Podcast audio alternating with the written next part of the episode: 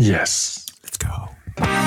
This is the TPO podcast. Politiek is alleen nog voor de allerheiligste.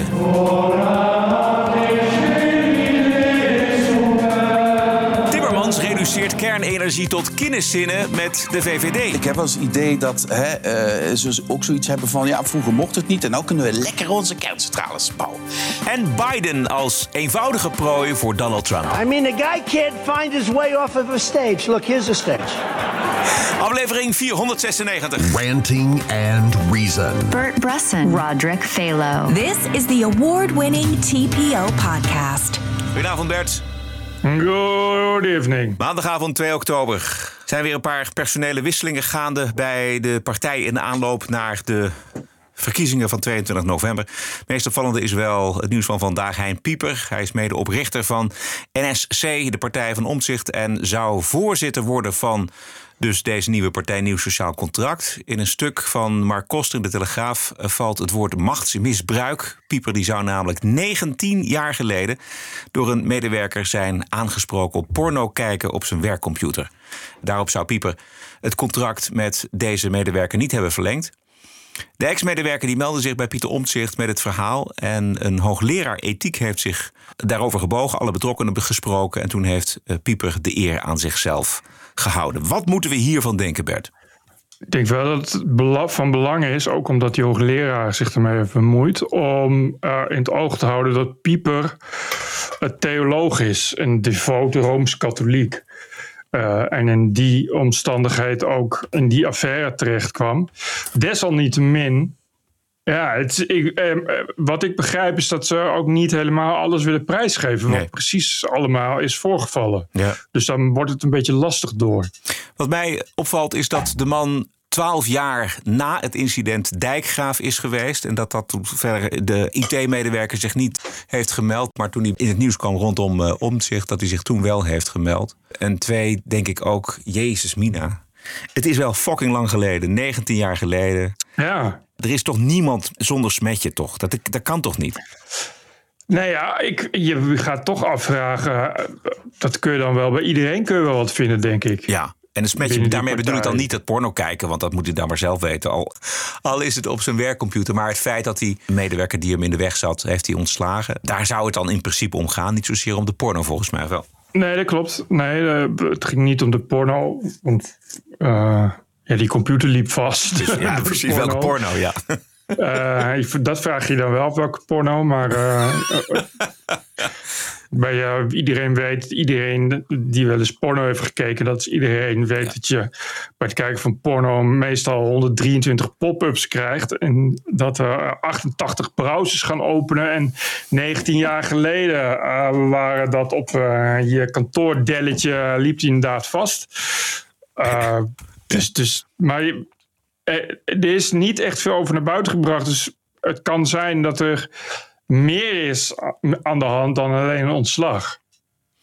Ja, daar- ja. Maar dat weten we dus niet. En Pieper zelf wil ook niet reageren, volgens mij. Niemand, volgens mij hebben ze afgesproken omdat niemand eh, reageert. Juist. Eh Geert Dales die schreef op Twitter vandaag... dit ruikt wel naar rancune en spruitjeslucht. En daar, dat, dat vond ik ook eigenlijk wel. Ik bedoel, als je verder Ja. niks weet... Als je dit naar buiten brengt, waarom breng je dan niet het hele verhaal naar buiten? Nee, dat is dus het bedenkelijke. Dat je je echt afvraagt van... zit hier niet gewoon meer achter? Eh, dan alleen maar wat je nu naar buiten brengt. Want waarom zou je dat dan niet vertellen? Ja. En denk je dan aan iets specifieks of is het dan gewoon... Nee, gewoon- ik weet het, ik weet het echt niet. nee.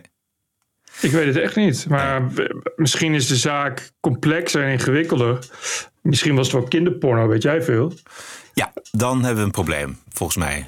Verder, ja, het doet vermoeden dat er wel erg, eh, erg voorzichtig met mensen wordt omgesprongen. En dan hou je denk ik heel weinig over. Ja. Moeten we niet wat vergevingsgezinder worden? Nou, dat lijkt mij raadzaam. Zeker in deze tijd waarin op social media alles openbaar is. Ja. En moeten we dan ook vergevingsgezinder zijn richting mensen als Rosanne Hertzberger? Nee! dat nooit. Maar wel Onno Aarde Nee. misschien? Onno Aarde, dat vind ik echt, echt een heel moeilijk geval. Omdat hij woordvoerder is. Ja. Dat is nou uitgerekend in het vak wat hij ging uitoefenen, namelijk woordvoering. Ik bedoel, het is gewoon communicatie. Precies in die communicatie doet hij dingen die net niet in die communicatie kunnen. Nee, precies. Dus als je, nou, als je nou zegt van ja, maar Onno Aarde wilde fractiemedewerker worden, dan zou je kunnen zeggen ja, moet je hem dan ontslaan alleen omdat hij iemand een gezwel noemt. Ja. Uh, maar ja, is door woordvoerder. Dus dat vind ik dan wel echt een geval apart. Uh, misschien kun je nog zeggen, moet je daar niet ook een hoogleraar ethiek naar laten kijken? Dat is ook zoiets, dat er een hoogleraar ethiek bij komt. Maar een hoogleraar ethiek, die heeft verstand van het uitoefenen van ethiek in de praktijk, maar niet per se iemand die zegt dit is wel of niet ethisch. En ik vraag me gewoon ook af waarom die hoogleraar ethiek zich nu ineens mee bemoeit. Ja, ik denk dat dat komt omdat uh, Omtzigt dat zelf natuurlijk ook niet weet. Dit het blijkt, deze man, deze pieper, blijkt echt wel een, uh, een maatje van hem geweest. Hij heeft hem uh, door dik en dun gesteund, ook bij de oprichting van die nieuwe partij. Dus ik, ik denk dat het wel verstandig is geweest, want Omtzigt die kon dat niet meer goed beoordelen. Misschien dat hij dacht van ja, Jezus, 19 jaar geleden. Maar ik kan dat dan wel. En dan is het wel goed om daar dan iemand met verstand van ethiek naar te laten kijken. Die dan zegt, nou, nee, dit speelt nog steeds wel. Of dit is nog steeds eigenlijk problematisch. Ja, ja, ja. ja. Um, ja, ik weet niet. Ik denk inderdaad dat we wel in elk geval iets vergevingsgezinder moeten zijn. Bij, bij Rosanne Hertzberger uh, kun je vergevingsgezind zijn op het moment dat zij zegt, ja, ik, het spijt me of zo. Of, ja. Of, of, ik, of ik ben van gedachten veranderd. En ik, ik ben van gedachten veranderd. Ja, en ik was in de heat of the moment was ik vooral bezig met uh, nou, wat ik vond seksisme en dat soort zaken. Bij geen stijl. Het zat me tot hier.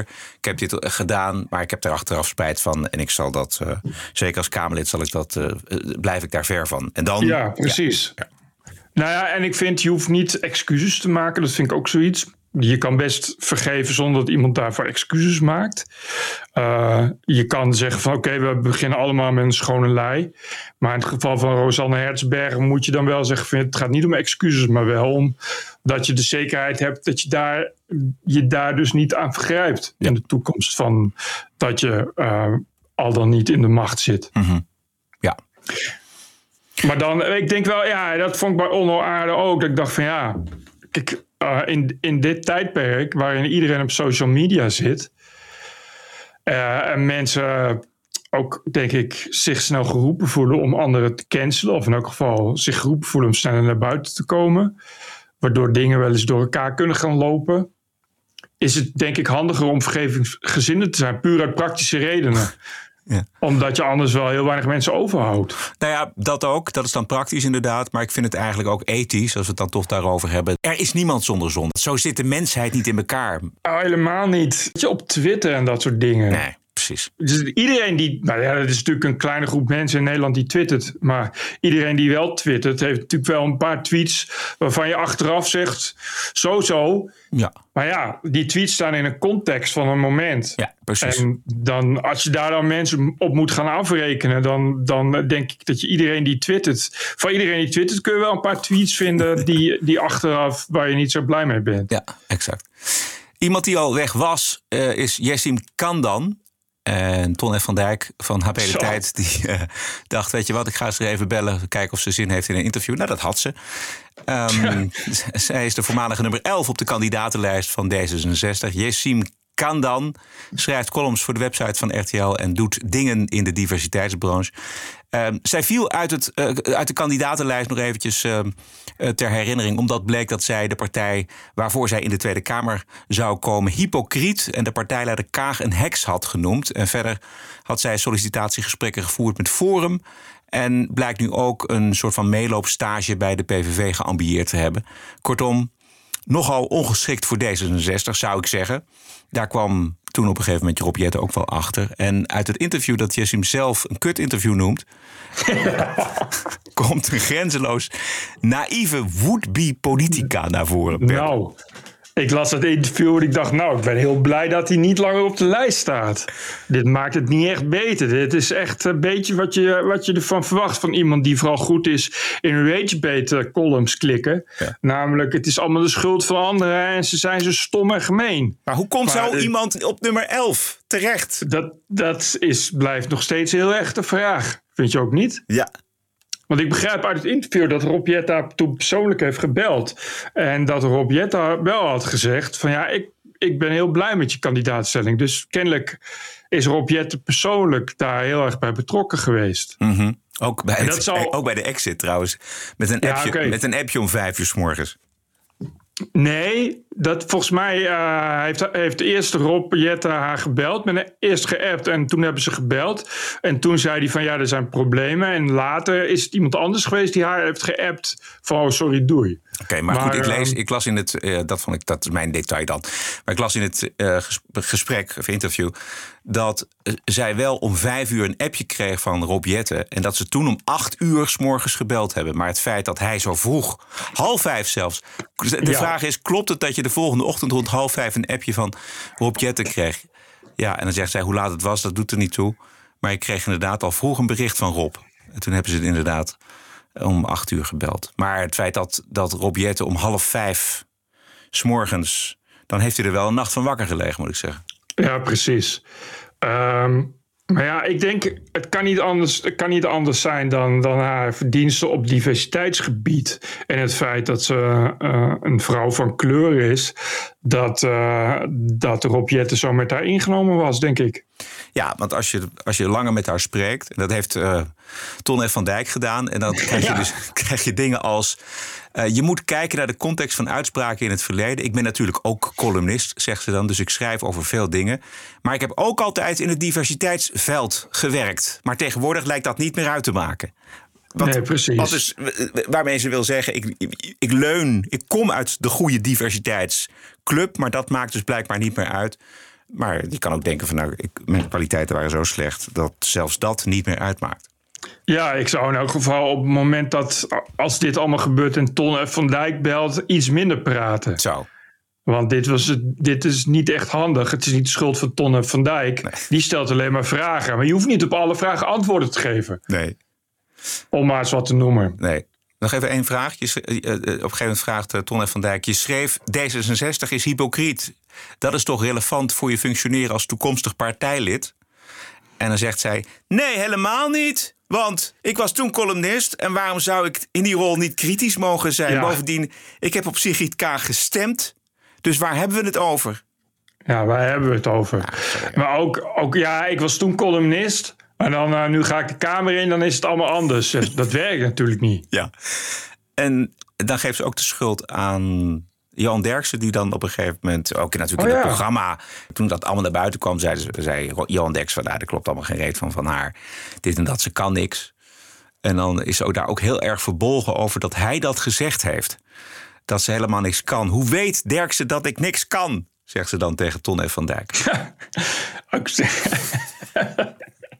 ze- heeft dat, dat van Derksen zit daar zo hoog. Dan heeft ze natuurlijk zitten kijken. En dat is natuurlijk dan verschrikkelijk als je door Ja, de mangel wordt zeker. gehaald. Maar ja, het is Johan Derksen. Weet je, Ja, bedoel, ja. die doet niet anders. Maar daar komt zich meerdere malen op terug ook in het interview. Ze Ja. zegt woest op Johan Derksen. Ja. Wat vooral opvalt is inderdaad het ge- totale gebrek aan zelfkennis of introspectie, hoe je dat zou willen noemen. Maar dat je denkt van, goh, wat heb ik nou eigenlijk verkeerd gedaan? Wat is er nou mis? Wat eh, hoor ik wel, hoorde ik wel op die lijst? Had ik er niet beter aan gedaan om dingen open en bloot te vertellen, et cetera? Weet je Ja. wel? Grijp ik niet te hoog? Een totaal gebrek aan enige reflectie. En dat is het meest storende eigenlijk. Hè? Ja, ja, er staat ook nergens van ja, misschien had ik dat anders moeten doen of zo. Nee. Er staat eigenlijk meer, eh, ik heb het perfect gedaan. Ik begrijp niet waarom het is misgegaan. Ja. En op een gegeven moment worden ook in dat interview, ja, iedereen kan het lezen, maar op een gegeven moment worden in het interview de, de, antwoorden ook steeds korter. En dan zegt ze op een gegeven moment. eh, En ik vind dit trouwens ook een kut interview. Ja, het is, ja, het is toch een beetje eh, die, die ene van Volt, hoe heet ze? Gundo, Gundogan. Oh ja, Gundogan, ja. This is the TPO podcast. Vrijdag zat bij op 1 de lijsttrekker van Partij van de Arbeid GroenLinks, Frans Timmermans. Nou, dat was nou een mooie reden voor een goed gesprek, dacht ik, met deze man. Over zijn quasi-groene reputatie in Brussel, over het biomassa-schandaal, de ontbossing en de CO2-uitstoot die dat allemaal teweeg heeft gebracht.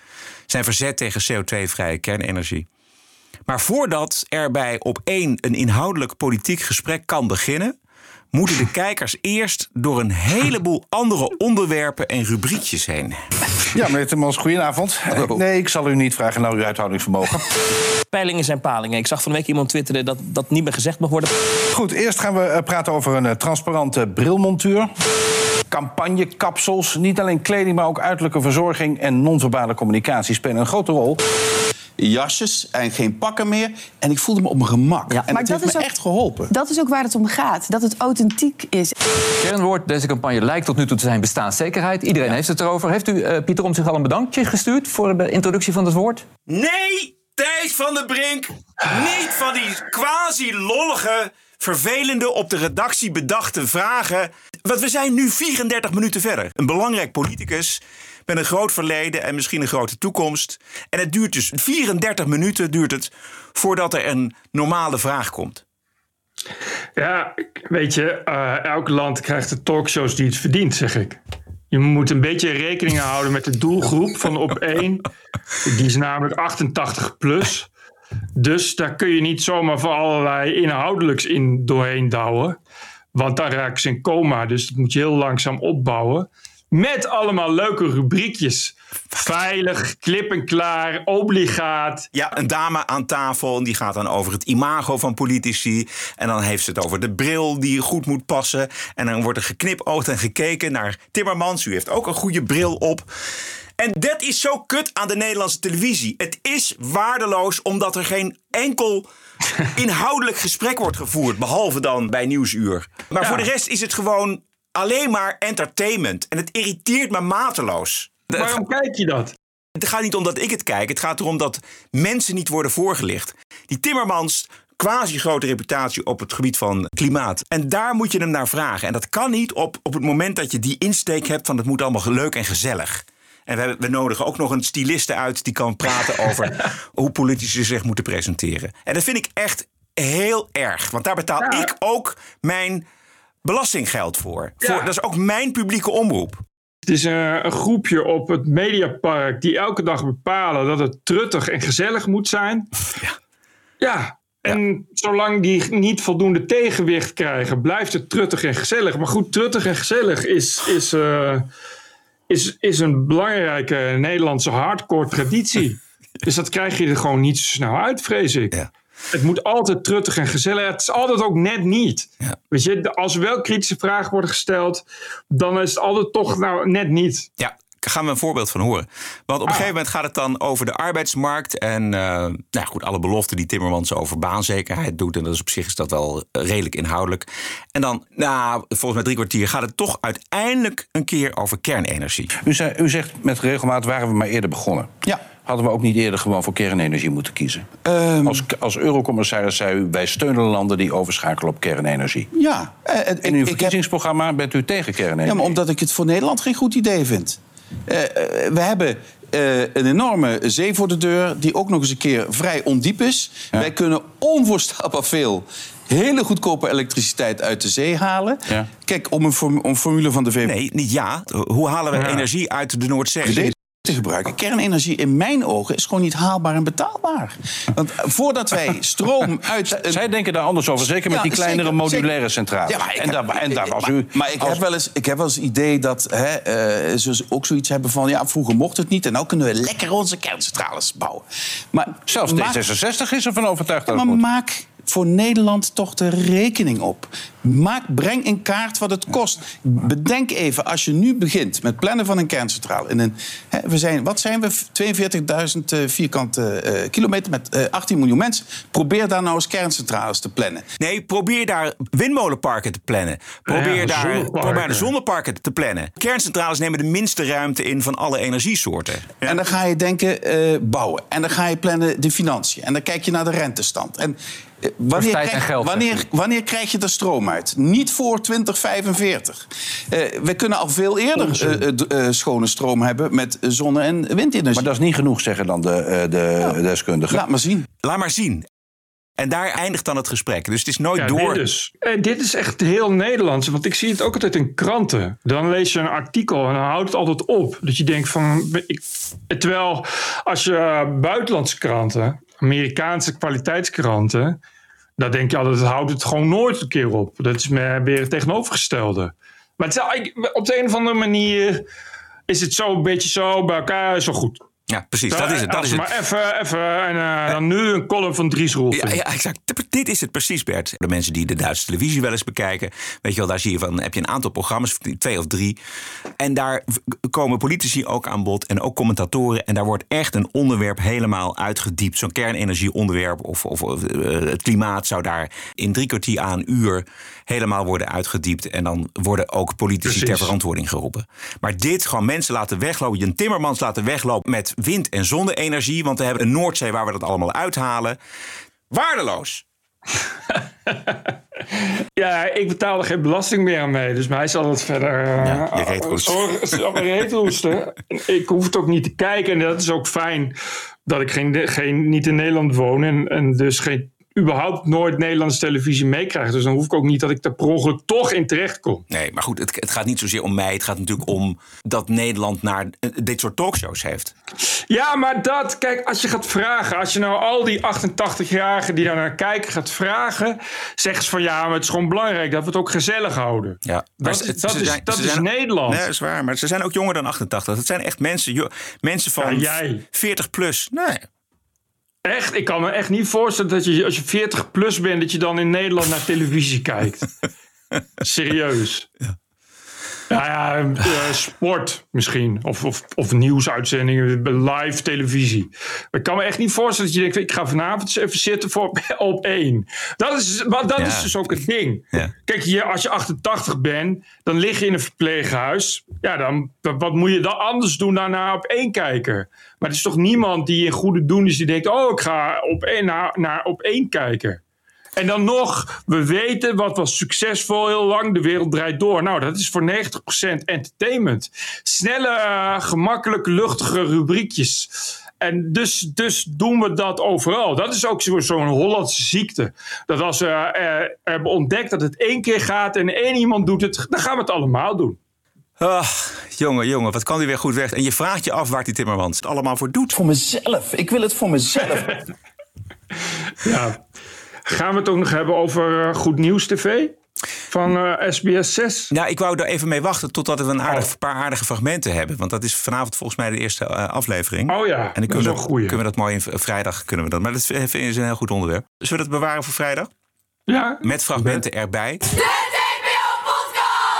Naast de TPO-podcast op dinsdag zijn we er ook op vrijdag. Langer, uitgebreider en met leuke extra's, zoals de legendarische Wokweek. This cancel culture is gonna end, end, end. Dat is nou een goed begin van je weekend. Alle vrijdagshows erbij voor nog geen 4 euro per maand. En je ondersteunt ons. Reclamevrij en 100% onafhankelijke opheldering over het nieuws en de nieuwsmedia. Keep the show running. Word vrijdag abonnee en ga naar tpopodcast.nl. Thank you. Juist, dinsdag 17 oktober zijn wij eh, jarig. Dan hebben we de 500ste aflevering, dus dat is zeker een aardig idee. En een suggestie om eh, lid te worden van de Vrijdagclub. En je weet wat je allemaal krijgt. Heb je net gehoord. Even iets waar we het nooit over gehad hebben, omdat het ver van ons bed is. ehm, maar waar wel geschiedenis wordt geschreven, is de Armeense enclave Nagorno-Karabakh in Azerbeidzjan. En de Azeris, dat zijn de moslims, die hebben die enclave ingenomen, veroverd. En de Armenen, eerst de christenen, die zijn daar voor altijd weggetrokken. En ik zag vandaag, en daarom hebben we het over, een, een reportage van een journalist van Al Jazeera. die door een compleet lege hoofdstad Stepanakert loopt. Bizarre beelden. En daar hoort dit geluid bij. If I go quiet, you'd be able to hear nothing. There is absolutely no one who's left here, uh, apart from a few elderly, uh, disabled, and others. Uh, we did see some uh, Red Cross workers who were here earlier, uh, who were taking people, ferrying them away, and taking them to a staging point uh, from where they're going to take them into Armenia. That's what people want. Here, let me just show you. Here are some puppies uh, who've been following us around, possibly looking for food. Uh, this is this is a, a hard to describe feeling on when you enter a town where you've been looking at pictures of it, uh, where there was so much activity, but now uh, a ghost town uh, which seems to have no soul left. Ja, Een ghost town zonder ziel. En ik ken dat uit Bosnië. want Ik ben in het voormalige Joegoslavië geweest. eh, Een jaar na de oorlog. Einde van de oorlog in 1999. En daar waren ook van die hele gebieden ontvolkt. Weet je, je had toen de Krajina. Dat was een Ja. Servische enclave in Kroatië. En ik reed daar doorheen. eh, Het is compleet verlaten hoofdstad Knien. Lege huizen, lege straten. Geen mensen, geen bereik ook. En Stepanakert, een maand geleden woonden daar nog 60.000 inwoners. Nu niemand meer. Ja, maar goed, die Armeniërs die vonden één genocide wel voldoende. Ja, precies. Nee, Dus, dus die denken, die kiezen meteen eieren voor hun geld. Ja. Voor je het weet komt de VN met een mandaat en dan weet je het wel. Dus eh, daar heeft iedereen van geleerd. Dus die Armeniërs eh, al helemaal. En het is ook onvermijdelijk, geloof ik ook. Want die Armeners die zijn allemaal veel te zwak. Die hebben geen, geen goed leger opgebouwd. En dankzij alle oliedollars eh, heeft Azerbeidzjan dat wel een geweldig leger. Bovendien krijgen wij in Europa en nog een aantal andere gebieden... krijgen ook allemaal olie uit eh Azerbeidzjan. Dus daar hoor, je, Ja, daar, hoor je, daar hoor je dus niemand over. En heel lastig, zeker nu. Ja, Want eh, ja, we willen ook geen olie uit Rusland. Dus om nou Azerbeidzjan te gaan boycotten, Ja, daar gaan de prijzen weer omhoog. Dat wil niemand. Nee. Nou ja, goed. Ik wou het even aanstippen. We hebben verder ook geen oplossing daarvoor. Het gaat over grenzen. Eh, Ik zag over grenzen gesproken veel toch wel heftige beelden uit Polen. Bert, waar jonge mannen uit het Midden-Oosten. En ik zag beelden. Ja, we- zijn ze echt? Want of, ze zijn wel echt, maar zijn ze recent en zijn ze uit Polen? Want ik heb daar inmiddels een radar voor ontwikkeld. Ja. Die beelden gaan, eh, worden dan eh, getwitterd door Philip de Winter, die daar uiteraard een agenda bij heeft. En mm, vaker eh, wel dan niet blijken dat uit de context gehaalde hele oude beelden te zijn. Dus daar moet je heel erg mee oppassen. Ja, dat, Als- dat doe ik ook. Maar ik kijk ook altijd naar de afzender, zullen we zeggen. ja. Eh, Van Philip de Winter eh, verwacht je dat, eh, dit soort zaken. Maar dit zag er eh, nieuw uit. Aan de grens tussen Mexico en de Verenigde Staten... het is eigenlijk hetzelfde verhaal. Hoe de perceptie verandert bij mensen die ooit zeer voor open grenzen waren. Kijk eens, hij is de gouverneur van de staat New York, Kathy Hochul... in december 2021. As you know, the Statue of Liberty is inscribed. It says, Give me your tired, your poor, your huddled young masses yearning to be free, the wretched refuse to a teeming shore. And that statement encapsulates our values. We want people to come here, despite where they came from or d- despite the circumstances that drove them to this country and to this and to this state. We see, say you are welcome here. We are welcome with open arms and we'll work to keep you safe. We'll not only house you, but we'll protect you. So our message to the world is send us your people, send us those who need the, uh, the cloak of comfort that we can demonstrate as New Yorkers with big hearts and open arms, and we'll provide a safe haven. Ja, u provide a safe haven. Dit is weer Chavandas op zijn Amerikaans.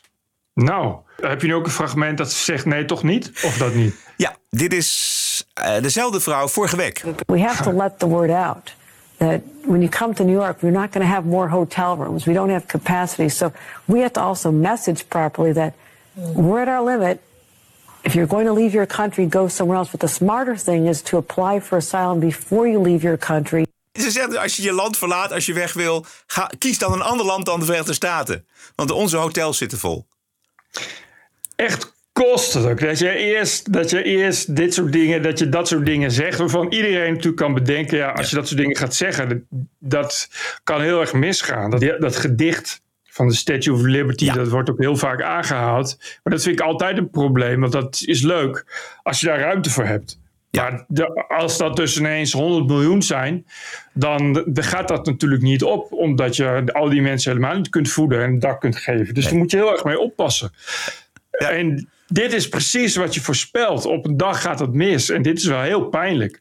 Als je het achter elkaar zet. Precies. Als zij dus zegt eh, in 2021 inderdaad eh, dat Statue of Liberty, die, dat he- hele verhaal, dat liberale verhaal van kom maar, kom maar hierheen, wij bieden je comfort, wij bieden je onderdak, et cetera, et cetera. Dus dat is weer Chavandas van, van Merkel.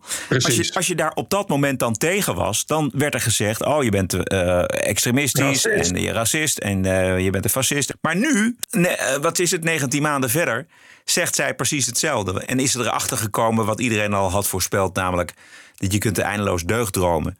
Maar de werkelijkheid is eh, een hele andere. Dat ze roept echt op van kom allemaal hierheen. Dat is natuurlijk echt het domste wat je kan doen. Da- da- Ik, ik snap ook gewoon niet waarom die mensen dat zo graag willen. Dat je niet, dat je niet kan zeggen, ja, wij, wij we hebben een, tolerante, een tolerante aard en we willen mensen graag helpen. Maar het komt niet allemaal tegelijk hierheen, want dat kunnen we niet aan. Nee, dat is niet voldoende. We gaan ook echt oproepen. Dus die mensen die bij Texas en zo voor de grens staan, die zeggen allemaal ja, maar goed, we zijn uitgenodigd. Ja. Dat zeiden ze ja. over Merkel ook. Die ja. gingen allemaal naar Duitsland en zeiden ja, mocht van Merkel, die heeft gevraagd of we kwamen. Uh, ik moet denken aan de uitdrukking van Michael Savage: liberalism is a mental disorder. Ja. Ik heb hem hier. So we're talking about liberalism being a mental disorder, and I've given you scientific studies that prove that many of them are neurotic or psychotic. maar Savage heeft scientific studies die dat bewijzen. Nou, ja, ja. nou mensen. Ja.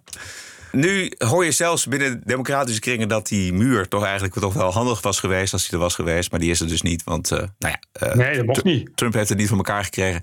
Kreeg er geen geld voor. En Biden dacht van nou, dat gaan we helemaal niet doen. Want dat is onmenselijk. Uh, nog 13 maanden voor de Amerikaanse presidentsverkiezingen. er moet nog wel iets aan de geestelijke conditie van Joe Biden worden gedaan. Voor zover dat kan op zijn leeftijd. Hij had afgelopen week opnieuw een wegtrekker. I hope this experience for the speaker has been one of a personal revelation. I'm not being facetious. I, uh, um,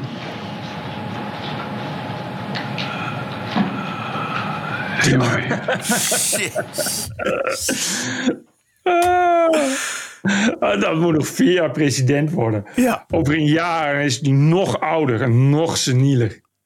En wie gaat hier op cashen, denk je? Ja, Trump. Does anybody think he's going to make it to the starting gate? I mean, the guy can't find his way off of a stage. Look, here's the stage. Here's the stage. I've never seen this stupid stage before, right? I've never seen it. But if I walk left, there's a stair. And if I walk right, there's a stair. And this guy gets up. Where am I?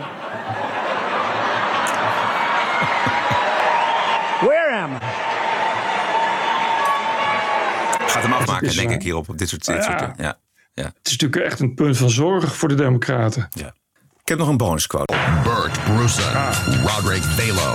Ranting and Reason. This is the TPO podcast.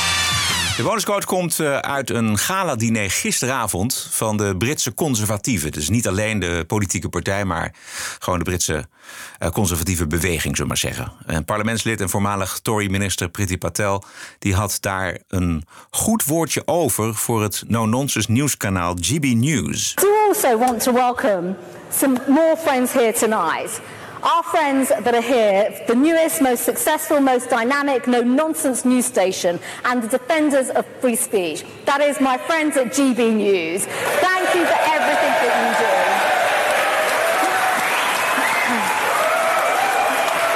Just incredible.